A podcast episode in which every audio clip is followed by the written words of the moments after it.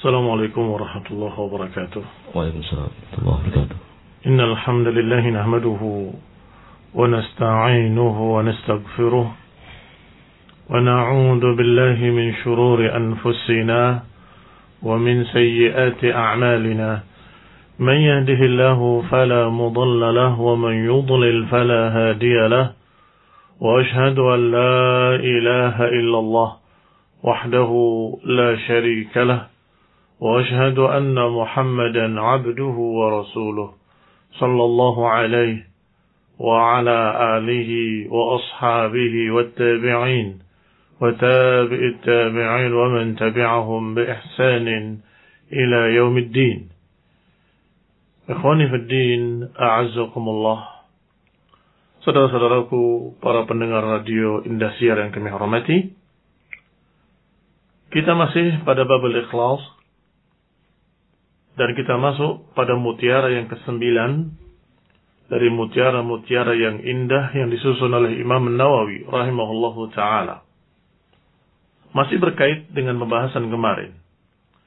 Pembahasan kemarin tentang orang-orang yang berperang karena Allah Subhanahu wa taala. Rasulullah ditanya seseorang yang berperang karena berani, karena memang senang berperang, orang berperang karena ria, orang berperang karena ingin dipuji, atau orang berperang karena dorongan asabiyah. Ayu dalika fi sabilillah. Mana yang dikatakan fi sabilillah? Maka Nabi menyatakan dengan kalimat Man qatala li'i'la'i kalimatillah Siapa yang berperang karena ingin mengangkat kalimat Allah, maka dia fisabilillah. Kemudian dibahas bahwa seseorang memerangi seseorang dengan pedangnya itu bermacam-macam. Di antaranya ada yang sudah kita bahas tadi yaitu jihad fisabilillah. Dan juga ada seseorang yang ketika dia dianiaya atau diserang apakah oleh perampok atau oleh orang yang jahat yang ingin mengambil hartanya, maka dia disuruh oleh Nabi untuk membela diri. Kata Nabi, jangan berikan pada mereka. Kalau mereka menyerang, kata Nabi, lawanlah. Kalau dia mati, dia finnar. Kalau aku yang mati, engkau fil jannah. Ini namanya disebutkan kemarin dengan istilah ad-difa' atau qitalud difa' perang pembelaan. Ini pembelaan diri. Dalam artian membela hak yang memang merupakan miliknya dari kedoliman-kedoliman para penjahat. Baik. Sekarang kalau ada dua orang muslim yang bertikai, kemudian masing-masing menghunuskan pedangnya, dalam keadaan sesungguhnya perkaranya tidak sampai kepada perkara besar yang menghalalkan darah maka ini jelas terlarang dengan hadis yang kemarin kita baca. Sibabul muslim fusuqun wa qitaluhu kufrun. Mencerca seorang muslim itu adalah kefasikan dan memeranginya adalah kekufuran. Nah, sekarang kita baca mutiara yang kesembilan. Masya Allah, Imam Nawawi rahimahullah meletakkan hadis ini setelah hadis yang kemarin. Karena memang ada kaitan antara keduanya yaitu hadis dari Abi Bakrah Nufai' ibn al-Harith al-Thaqafi radhiyallahu taala anhu أن النبي صلى الله عليه وعلى آله وسلم قال إذا التقى المسلمان بسيفيهما فالقاتل والمقتول في النار. قلت يا رسول الله هذا القاتل فما بال المقتول؟ قال إنه كان حريصا على قتل صاحبه متفق عليه. Dari sahabat yang mulia Abi Bakrah, itu kunyahnya, namanya Nufai' ibn al-Haris al-Thaqafi. radhiyallahu ta'ala anhu. Beliau menceritakan bahwa Nabi Shallallahu alaihi wa ala alihi wasallam pernah bersabda, jika dua orang muslim saling bertemu, yakni bertikai, dengan pedangnya masing-masing. Artinya berperang, perang dengan pedangnya masing-masing. Falqatil wal maqtul finnar. Maka yang terbunuh dan yang membunuh dua-duanya dalam neraka. Demikian kata Nabi SAW. Dua orang muslim bertikai. Ternyata dua orang ini menghunuskan pedangnya dan kemudian mulai saling memukulkan pedangnya, saling menghunuskan pedangnya, saling menikam ila akhirih, maka kata Nabi yang terbunuh dan yang membunuh dua-duanya dalam neraka.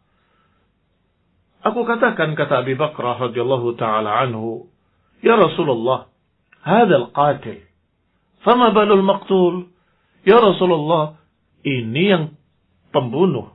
Mungkin wajar masuk neraka, tapi yang terbunuh kenapa masuk neraka juga? Nabi menjawab alaihi salatu wassalam, "Innahu kana harisan ala qatli sahibi." Iya. Dia adalah orang yang bersungguh-sungguh ingin membunuh saudaranya. Tetapi tidak berhasil. Maka dia juga masuk neraka. Muttafaqun alaih. Ikhwani filina azakumullah. Kaum muslimin para pendengar radio Indasiar yang kami hormati. Kalimat-kalimat ini dari Nabi Shallallahu Alaihi Wasallam menggambarkan kalau dua orang Muslim bertikai dengan senjatanya masing-masing maka kedua-duanya masuk neraka. Apa perbedaan antara yang terbunuh dan membunuh?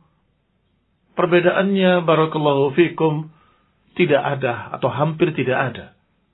Ini kebetulan dengan takdir Allah berhasil membunuh, sedangkan yang terbunuh, qadarullah gagal untuk membunuh. Itu saja. Tetapi dua-duanya ingin membunuh saudaranya. Maka Nabi menyatakan keduanya dalam neraka. Al-qatil wal maqtul finnar. Yang membunuh dan yang dibunuh dalam neraka. Masih ingat hadis yang kemarin kita bahas dan ucapan Syekh Ibn Uthaymin rahimahullah bahwa yang demikian ada dua jenis ada qitalut talab ada qitalut difa' ada qitalut talab artinya seseorang sengaja-sengaja ingin mencari saudaranya, ingin membunuhnya. Itu qitalut talab dan ini yang haram dengan hadis sibabul muslim fusuqun wa qitaluhu kufrun. Tetapi yang kedua ada qitalut difa' membela diri. Kalau kejadiannya adalah membela diri, seseorang tiba-tiba diserang, maka itu tidak masuk hadis ini.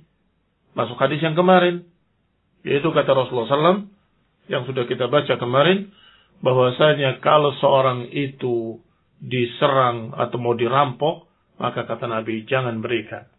Kalau dia menyerang, lawan.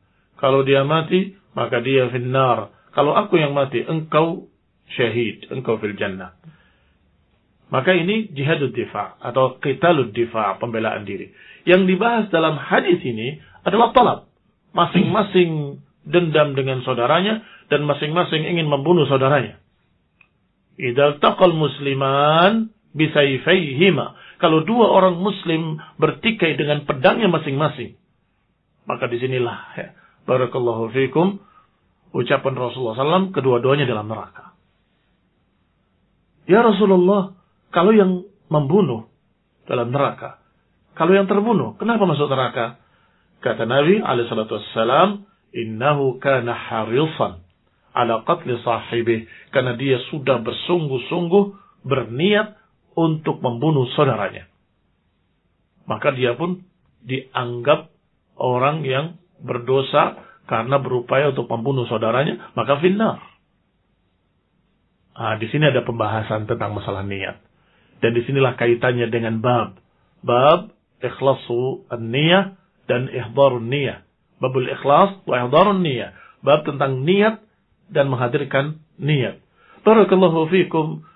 Di sini, kenapa dia termasuk mendapatkan neraka atau mendapatkan azab, padahal dia belum berhasil membunuh, sudah berniat untuk membunuh saudaranya, sudah bersungguh-sungguh untuk membunuh saudaranya. Hanya saja di sini ada catatan penting bahwa niat kalau masih di dalam hati belum dinilai. Niat jelek ya. Niat jelek dalam hati belum dinilai. Kalau niat baik sudah mendapatkan satu pahala. Begitu berhasil berbuat baik, mendapat pahala lagi. Tetapi kalau niat jelek, belum dicatat. Sampai ketika dia berbuat kejelekan tersebut, baru dicatat satu kejelekan. Tapi mengapa di sini berniat membunuh saudaranya sudah mendapatkan adab? Karena di sini dia sudah berbuat. Tapi tidak berhasil.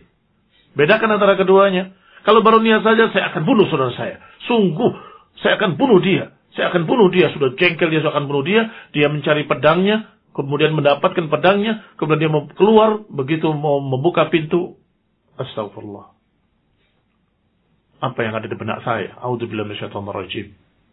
Tidak mungkin, tidak halal membunuh seorang muslim. Terus gak jadi. Dia mendapatkan satu pahala. Karena dia mengurungkan niat jeleknya. Dan niat jeleknya belum tercatat. Karena dia belum berbuat. Tetapi yang tadi, dua orang yang sedang bertikai tadi, sudah berbuat, sudah mengayunkan pedangnya, sudah menusukkan pedangnya, sudah berbuat ingin membunuh, tapi tidak berhasil. Maka ketika dia terbunuh, bukan uh, dia tidak membunuh bukan karena dia urungkan niat jeleknya, bukan karena dia sadar oh ini haram, bukan, tetapi tidak berhasil. Dia sudah mengayunkan pedangnya, dia sudah menusukkan pedangnya, dia sudah berbuat kejahatan, tetapi tidak berhasil alias kalah. Maka dia yang terbunuh.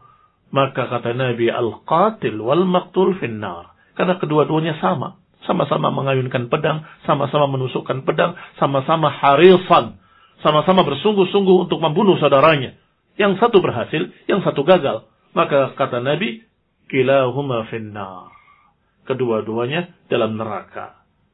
Al-qatil wal maqtul finnar. Barakallahu fiikum alhamdulillah kita mendapatkan faedah dari mutiara hadis yang sangat mulia ini yang disusun oleh Imam Nawawi rahimahullah bahwa niat jelek kalau sudah ada upaya berbuat jelek tadi, kemudian gagal, maka dia telah tercatat berbuat dosa. Walaupun gagal, karena dia sudah berusaha, ya, sudah berusaha, sudah berbuat, sudah berjalan, sudah mengayunkan pedangnya, sudah menusukkan pedangnya. Kecuali kalau dia urungkan niatnya karena Allah subhanahu wa ta'ala, maka di situlah makna bahwa baru niat belum tercatat kalau baru niat jelek. Adapun niat baik sejak awal niat baik sudah tercatat. Inilah rahmat Allah Subhanahu wa taala. Wallahu taala a'lam. Kaum muslimin demikian tadi apa yang disampaikan oleh Al-Ustaz Muhammad bin Marsimit dalam untayan Nasihat Indah Al-Imam Nawawi dalam pembahasan hadis yang ke-9. Dan sekarang kita akan ikuti ruang tanya jawab yang akan insya Allah dijawab oleh beliau Hafizul Ta'ala. Baik, yang pertama adalah pertanyaan pertama. Bismillah, Afan Ustaz mau bertanya, Afan kalau di luar tema. Saya mau tanya tentang sholat Qiyamul Lail atau sholat tahajud. Apakah ini sama artinya kita sholat witir? Satu, atau tiga, atau lima rakaat di akhir malam. Apakah sholat witir tersebut ini yang dimaksud dengan sholat tahajud? Apa mungkin ada arti lain tentang sholat tahajud? Jazakallah khairan. Nah, bangunnya salat tahajud sama dengan qiyamul lail dan kadang disebut dengan witir. Karena jumlahnya selalu ganjil, apakah 11 atau 7 atau 5 atau 3 paling sedikit. Barakallahu fiikum atau mungkin satu ya. Ala kulli hal, penamaan-penamaan tadi masing-masing dengan uh, sisi pandangnya. Qiyamul Lail karena dilakukan di malam hari. Maka dikatakan Qiyamul Lail, menegakkan sholat di malam hari. Tetapi kalau tahajud, itu dari sisi dia setelah tidur, kemudian bangun kembali. Makanya kalau witir di awal sebelum tidur, boleh. Tapi biasanya tidak dijuluki dengan tahajud. Tahajud itu setelah tidur. Kemudian bangun tengah malam, itu dikatakan tahajud. Yang ketiga penamaan witir karena jumlahnya ganjil. Barakallahu fikum. Sehingga sama-sama itu adalah qiyamul lail. Sama-sama itu adalah sholat yang dimaksud. Tetapi karena dilakukan malam hari dikatakan qiyamul lail. karena selalu witir dikatakan witir kadang-kadang disebut dengan autara beliau mengerjakan witir 11 rakaat maksudnya qiyamul lail kadang-kadang disebut tahajud karena setelah tidur dia bangun kembali fatahajjad bihi nafilatan lak kata Allah nah wallahu taala alam Baik berikutnya Bismillah Semoga Ustadz Muhammad dan keluarga selalu diberikan kesehatan dan keberkahan. Izin bertanya terkait hadis yang dibahas Ahad kemarin. Apakah tentara yang ditugaskan berperang oleh negara bisa berniat untuk berperang dan Allah? Jazakallah khair. Nah, tentunya kalau itu adalah penguasa muslim, apalagi penguasa yang ahli sunnah, maka ketika kita mentaati penguasa untuk berperang, maka itu adalah syar'i. Sesungguhnya itu adalah jihad. Tetapi ketika penguasanya fasik misalnya, atau penguasanya memiliki penyimpangan dan sebagainya, maka ketika dia memerintah untuk berperang, kita harus melihat pula perangnya dalam bentuk apa kepada siapa. Kalau sesuai dengan kitab sunnah, taatilah. Kalau tidak sesuai dengan kitab sunnah, maka la ta'ata li makhlukin fi ma'siyatil khaliq. Tidak ada ketaatan pada siapa pun dalam bermaksiat kepada Allah Subhanahu wa taala. Artinya, ucapan para ulama tentang masalah ketaatan penguasa adalah fil ma'ruf pada perkara-perkara yang baik. Sehingga tidak bisa dijawab dengan mutlak apakah iya atau tidak. Tetapi tergantung. Kalau itu kita difa, masih ingat tadi apa kita difa? Membela negara, membela uh, negeri. Ketika negeri kita diserang, Ya bagaimana mungkin kita tidak mentaatinya? Itu negeri-negeri kita, dan ini adalah masyarakat-masyarakat kita, saudara-saudara kita, dan juga menjaga rumah kita, rumah saudara kita. Ya tentunya itu syar'i. Yang difa karena kita diserang oleh negara-negara kafir, maka kita harus mentaati penguasa tadi untuk mempertahankan negeri ini. Barakallahu fikum. Berikutnya, Bismillah, Assalamualaikum Waalaikumsalam. Apakah mencintai tanah air itu merupakan bentuk imanan? Apakah mencintai tanah air itu merupakan bentuk imanan? Hadis tentang cinta tanah air termasuk iman adalah hadis yang dhaif bahkan disebutkan bahwa itu tidak ada asalnya wallahu taala alam. Tetapi mencintai tanah air memang sesuatu yang fitrah, sesuatu yang otomatis. Seorang akan cinta kepada negeri di mana dia lahir padanya. Wallahu taala a'lam.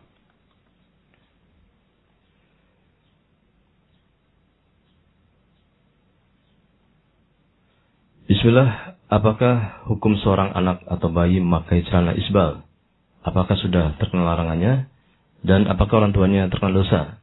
Lalu mulai usia berapakah mulai ditekankannya? Jazakallah khairan. Iya. Masih bayi atau di bawah di bawah apa umur balik adalah bahwa mereka masih dalam keadaan belum terkena taklif beban syariat. Maka yang perempuan masih boleh membuka mukanya tidak harus dikasih cadar. Ini bayi perempuan ya, anak perempuan belum harus dia memakai kerudung dan seterusnya dan seterusnya.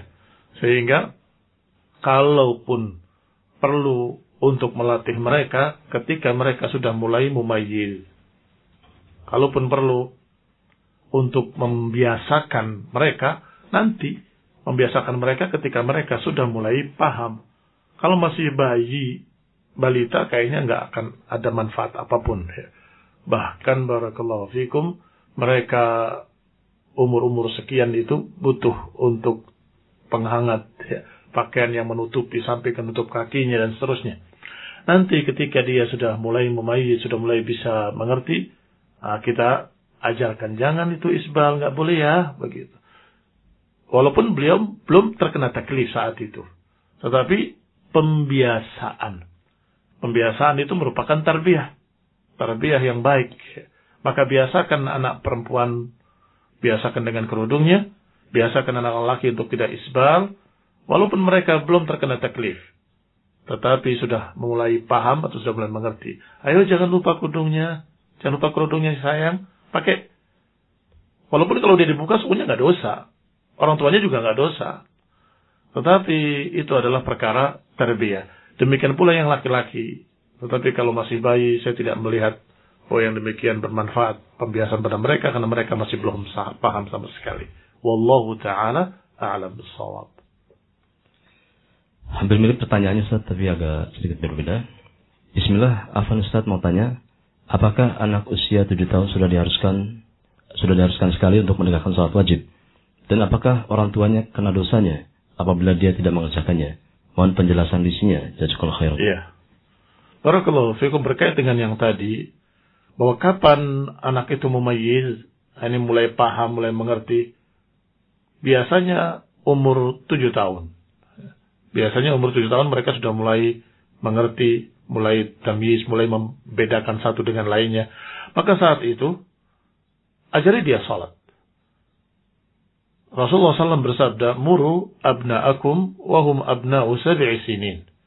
Wadribuhum wahum abna'u ashri sinin. Atau kama qala sallallahu alaihi wa ala alihi wasallam, kata Nabi, ajarilah anak-anak itu untuk salat ketika mereka umur tujuh tahun. Atau bahasanya muru perintahkan mereka salat ketika mereka umur tujuh tahun.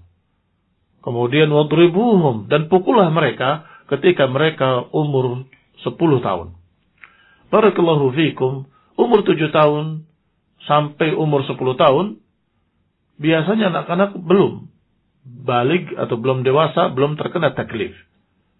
Nanti ketika dia sudah, uh, istilahnya sudah mimpi basah ya, kalau laki-laki, perempuan juga akan diketahui dengan haid. Ya.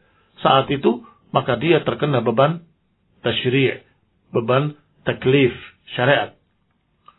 Saat itu dia tanggung jawab sendiri. Kalau mereka tidak mengerjakannya, mereka dosa.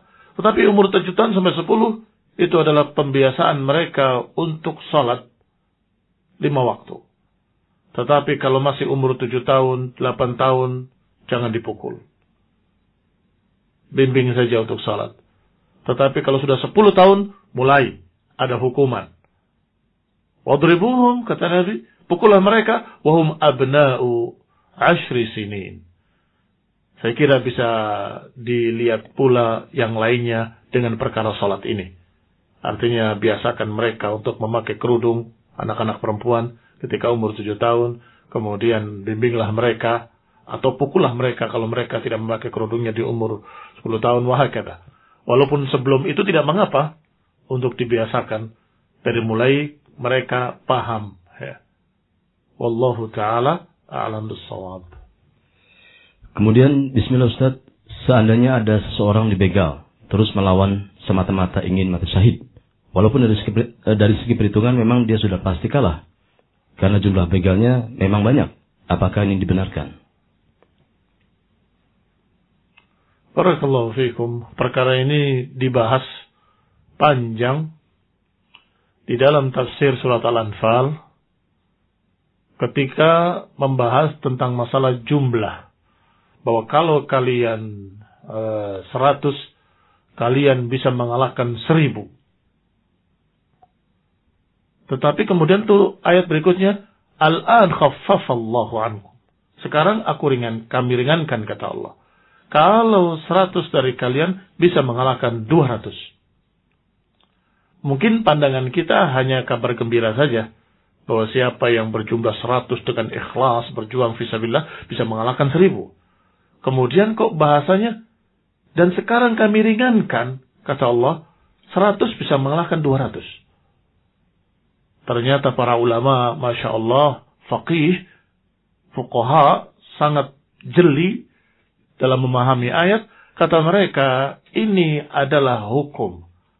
Asalnya satu banding sepuluh. Seratus bisa melawan seribu.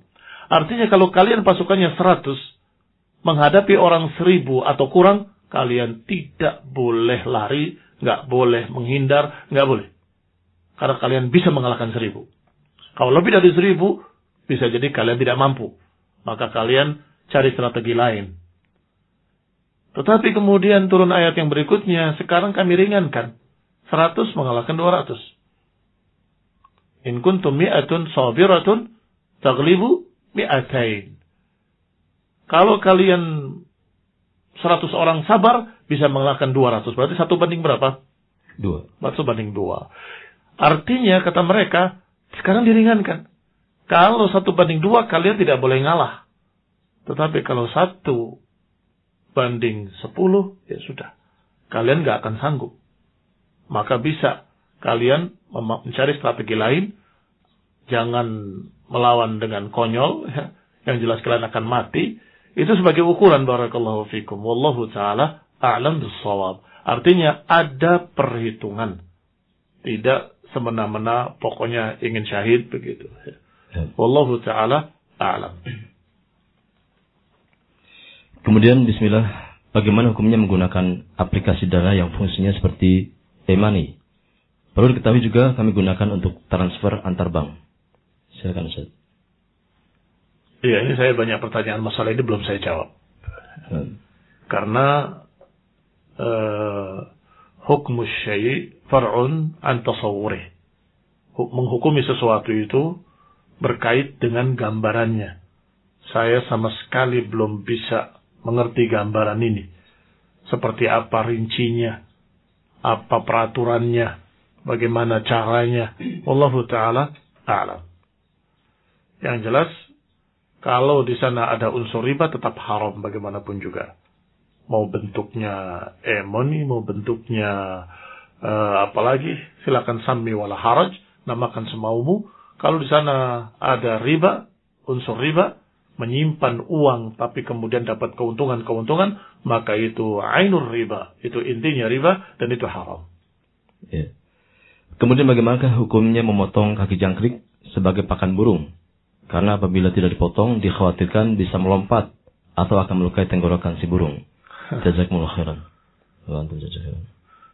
Wallahu ta'ala alam yang jelas kalau itu adalah pakan burung, maka sesuatu yang lumrah kalau burung dikasih makan dengan makanan yang memang makanannya gitu. Apakah jangkrik atau serangga-serangga lainnya. Tetapi alangkah baiknya kalau dipotongnya itu tidak oleh kita. Tetapi oleh burung itu sendiri. Bagaimana caranya? Kamu pegang dua kaki jangkrik tadi di tanganmu dengan kencang, kamu berikan pada burung. Maka burung akan mematok e, jangkrik tersebut dan kakinya tertinggal di tanganmu. Wallahu taala a'lam bissawab.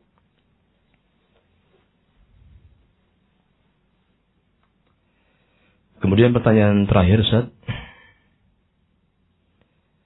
Afan Ustaz mau tanya, seseorang, dan seorang istri yang sudah bercerai dengan suaminya secara agama, bolehkah dia menikah lagi sementara belum diresmikan lewat pengadilan agama?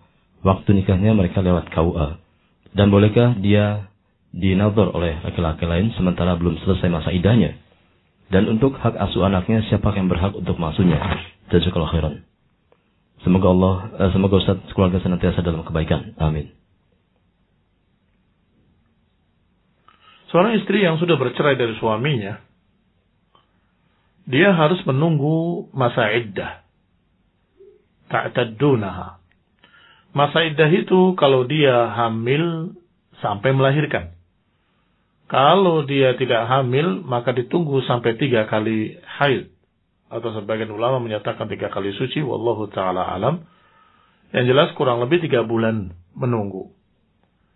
Selagi dia di masa iddah, maka tidak boleh ada hubungan dengan siapa pun, apakah nador, ataupun memberikan uh, isyarat-isyarat pada siapa pun tidak boleh. Barakallahu fikum. Mengapa? Karena ini statusnya cerai. Kalau cerai itu selama masa iddah masih hak suaminya kalau kalau suaminya masih merujuk. Maka jangan ganggu istri orang lain di masa iddah. Barangkali akan dirujuk kembali oleh suaminya. Barakallahu fikum. Kecuali kalau ditinggal mati.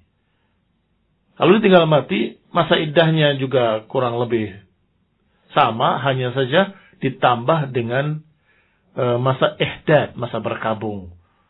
Ini tidak boleh dia berhias, nggak boleh pakai harum-haruman, nggak boleh pakai perhiasan segala macam. Ala kulli kalau di masa iddah tersebut ditinggal mati ketika lahir eh, ketika hamil dia melahirkan bahwa dia sudah sudah selesai masa iddahnya tetapi kalau tidak hamil berbeda sedikit agak lebih panjang yang disebut dengan mahna ihdad yaitu 4 bulan 10 hari. Maka ini berbeda dengan yang tadi. Mengapa? Karena suaminya sudah meninggal artinya dia ditinggal mati bukan ditinggal cerai kalau tinggal cerai masih ada kemungkinan rujuk kalau tinggal mati, tidak ada kemungkinan rujuk kembali. Nggak akan bangkit kembali dari kubur. Maka, boleh isyarat. Tidak boleh terang-terangan.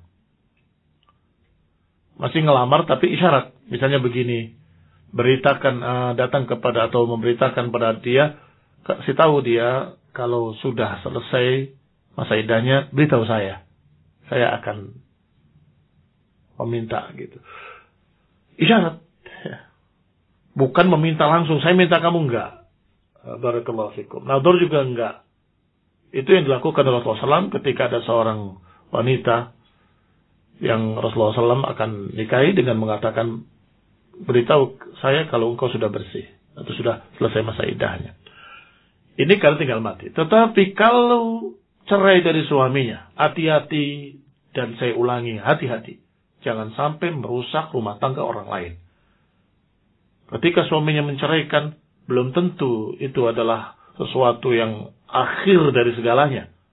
Bisa jadi setelah cerai ada penyesalan pada istrinya atas kesalahannya, juga pada suaminya ada penyesalan kenapa menceraikan, maka dia akan rujuk kembali. Sehingga saat itu tidak boleh dinador oleh laki-laki lain. Tidak boleh dilamar oleh lain. Isyarat juga nggak boleh. Mengapa? Bahaya. Misalnya dia telepon si perempuan tadi, kamu katanya dicerai ya? Nanti kalau habis idahnya, kasih tahu saya ya. Apa sebabnya? Nggak boleh. Dia akan menjadikan sang wanita tadi berubah. Tadinya dia khawatir ini, khawatir itu, dan akan kembali pada suaminya. Begitu mendengar ada laki-laki lain yang mengatakan, saya tunggu jandamu, ya. langsung, wah, langsung berani sama suaminya tidak mau. Saya nggak mau rujuk lah akhirnya tambah kurang ajar. Kenapa jadi rusak begini? Karena ada laki-laki ketiga yang merusaknya. Sehingga usaikum bitaqwallah. Saya wasiatkan untuk bertakwa pada Allah. Kalau itu cerai, maka jangan ada hubungan dengan yang masih di masa iddah ini. Apakah telepon-teleponan atau barangkali apa istilahnya bela sungkawa kasihannya kamu di kita. Udah dong, kamu ini laki-laki, dia perempuan, dan ini nggak ada hubungan apa-apa, artinya bukan mahram. Maka jangan ucapan kalimat-kalimat seperti itu, artinya kamu akan memberikan harapan kepada sang wanita tadi, maka sang wanita tadi akan semakin kurang ajar kepada suaminya. Barangkali dia mau rujuk, akhirnya rusak, nggak jadi rujuk kembali. Barakallahu fikum. Wallahu ta'ala a'lam. Baik, Om Simin, uh, waktunya sudah habis. Masih ada tersisa sepertinya. Oh, ya, tentang hak asuh ya.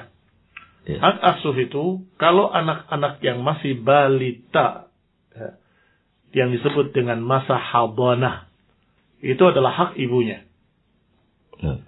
Kalau dia sudah dewasa, maka dia dalam keadaan, ada yang mengatakan itu hak bapaknya, ada yang menyatakan kalau dia sudah dewasa boleh memilih. Wallahu ta'ala a'lam. Baik Komisin, uh, demikian tadi ruang tanya jawab yang kita ikuti bersama. Semoga memberikan manfaat dan juga semoga yang bertanya dapat terpuaskan. Dan juga bagi Anda yang belum tersampaikan pertanyaannya, kami mohon maaf yang sebesar-besarnya. Semoga bisa disampaikan pada saatnya esok hari. Dengan demikian berakhirlah acara Untayan Nasihat Indah Al-Imam Nawawi rahimahullah. Dan semoga kita bisa mengikuti kembali pada kesempatan esok. Dan jazakumullah khairan atas atensi Anda, pertanyaan Anda dan juga uh, semarak dalam acara ini dan jazakallah khairan kepada Al-Ustaz Muhammad bin Marasawid yang berkenan hadir untuk mengisi acara tausiah atau kajian Islam ini. Atas perhatiannya kami ucapkan terima kasih sekali lagi dan mohon maaf atas salah dan kurangnya. Wassalamualaikum ala Muhammadin walhamdulillahirabbil alamin. Subhanakallahumma bihamdika asyhadu an la ilaha anta astaghfiruka wa atubu ilaik. Wassalamualaikum warahmatullahi wabarakatuh. Waalaikumsalam warahmatullahi wabarakatuh.